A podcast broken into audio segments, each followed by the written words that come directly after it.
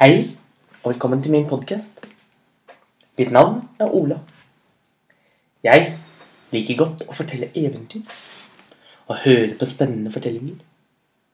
Morsomme ting. Underlige ting. Rare ting. Mystiske eventyr. Noen ganger liker jeg godt å få høre eventyr som er skikkelig gamle.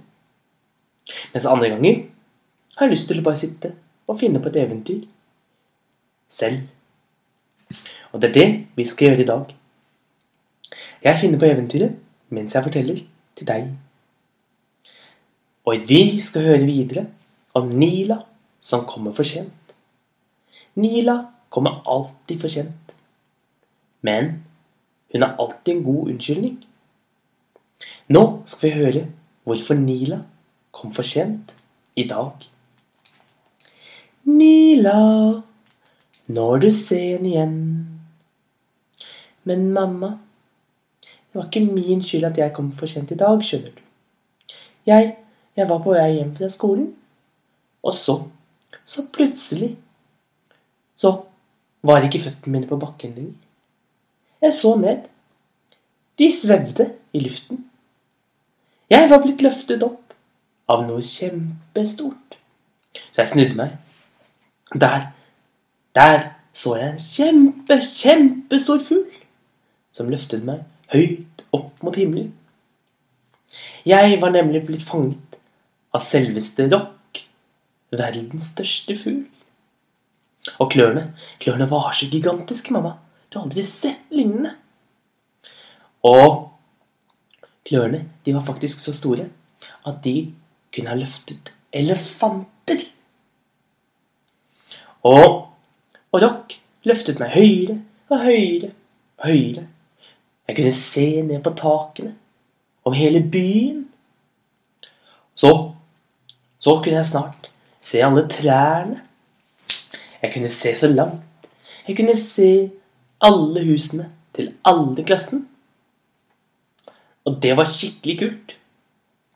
Men det var litt skummelt, for så høyt oppe hadde jeg aldri vært før. Og Rock fløy over skogen, videre, ut over en stor elv. Og snart fløy Rock over store enger, fulle av av store traktorer. Og Rock fortsatte å fly med meg, lenger og lengre unna. Snart dukket opp et stort fjell i horisonten, og Rock fløy mot fjellet. Så så så jeg at fjellet var dekket av snø og is. For så stort var fjellet at høyt, høyt oppe, der var det så kaldt at selv is og snø falt, selv om det var midt på sommeren. Og Rock fløy oppover, og jeg merket at det ble så kaldt. Jeg frøs skikkelig på armene. Men heldigvis så hadde Rock så store fjær. Så jeg tok den ene fjæren og la den rundt meg, og den ble som en hel dyne. Og nå lå jeg mye bedre og så utover den fantastiske utsikten. Jeg hadde aldri sett noe så vakkert, mamma. Men plutselig så fikk jeg øye på noe som gjorde meg redd. For på toppen av fjellet, der var det et stort rede. Og oppi redet var det flere små minirokker. Men de var, selv om de bare var babyfugler, så var de kjempestore. Like store som nesehorn. Og Rock fløy mot mot reiret sitt. Og jeg tenkte å nei, Rock kommer sikkert til å mate meg til ungene sine.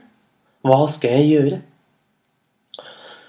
Og Rock fløy ned, ned, og der nede, der så jeg de sultne ungene. Var dette det siste jeg skulle se? Nå, nå var sikkert livet mitt slutt.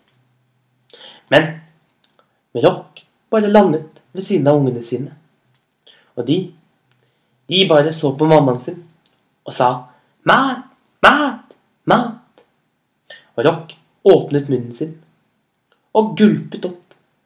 Det må ha vært en hel elefant. Og ungene jublet og ble kjempeglade og begynte å spise. Først syntes jeg det var litt ekkelt å spise mammas oppkast. Men jeg var veldig glad, for det betydde kanskje at de ikke skulle spise meg. Og rett som det var, så snudde alle ungene seg og så på meg med sine store øyne. Hvem er det, mamma? spurte en av ungene.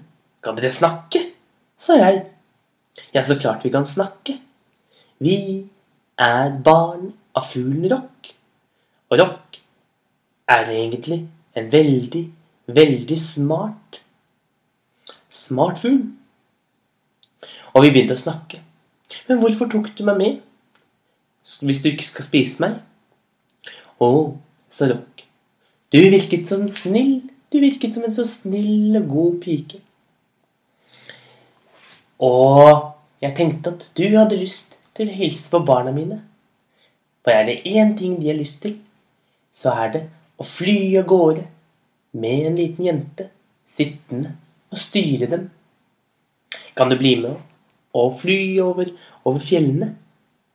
Det, det vil, det vil jeg gjerne. Så jeg krøp opp på en av fugleungene. Det var en liten brun en. Og jeg satt der så godt. Og så suste den utenfor reiret, og den falt. Den falt ned mot bakken. Det virket som om den ikke hadde lært å fly. Vi falt nærmere og nærmere bakken. Vi kom til å krasje med en voldsom fart. Men rett før vi traff bakken, så la fugleungen ut vingene sine og fløy, og vi dalte nedover, like lett som en fjær. Så flakset den hardere, og snart fløy vi oppover, oppover, oppover, oppover. Det var fantastisk! Nå er det min tur! Nå er det min tur! ropte den andre ungen.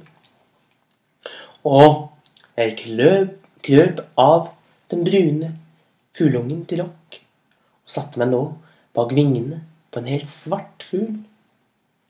Den gjorde lik som broren, gikk ut på kanten og stupte utenfor kanten og falt som en stein ned mot bakken. Dypere og dypere og dypere.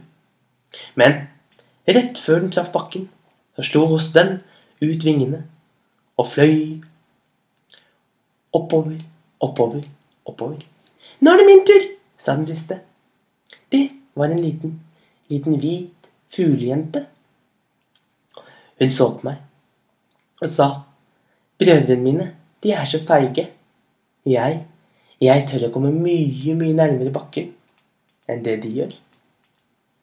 Eh, du trenger ikke det, sa jeg. Men fugleungen bare lo og sa kryp opp. Så jeg gjorde det. Og hun gikk ut på kanten.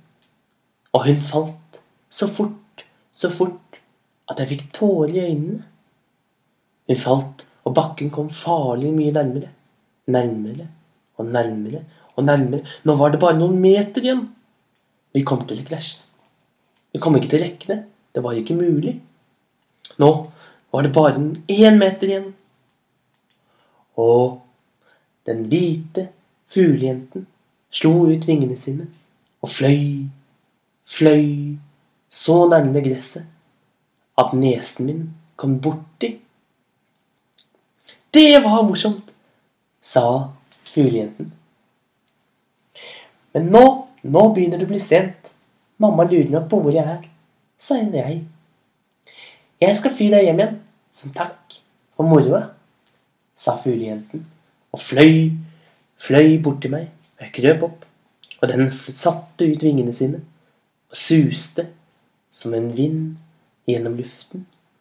Og så landet den her like i nærheten, og jeg gikk av. Og derfor, mamma, derfor kommer jeg for sent i dag. Håper du likte eventyret om Nila som kommer for sent. Så for du en riktig god dag, så ses vi igjen en annen dag.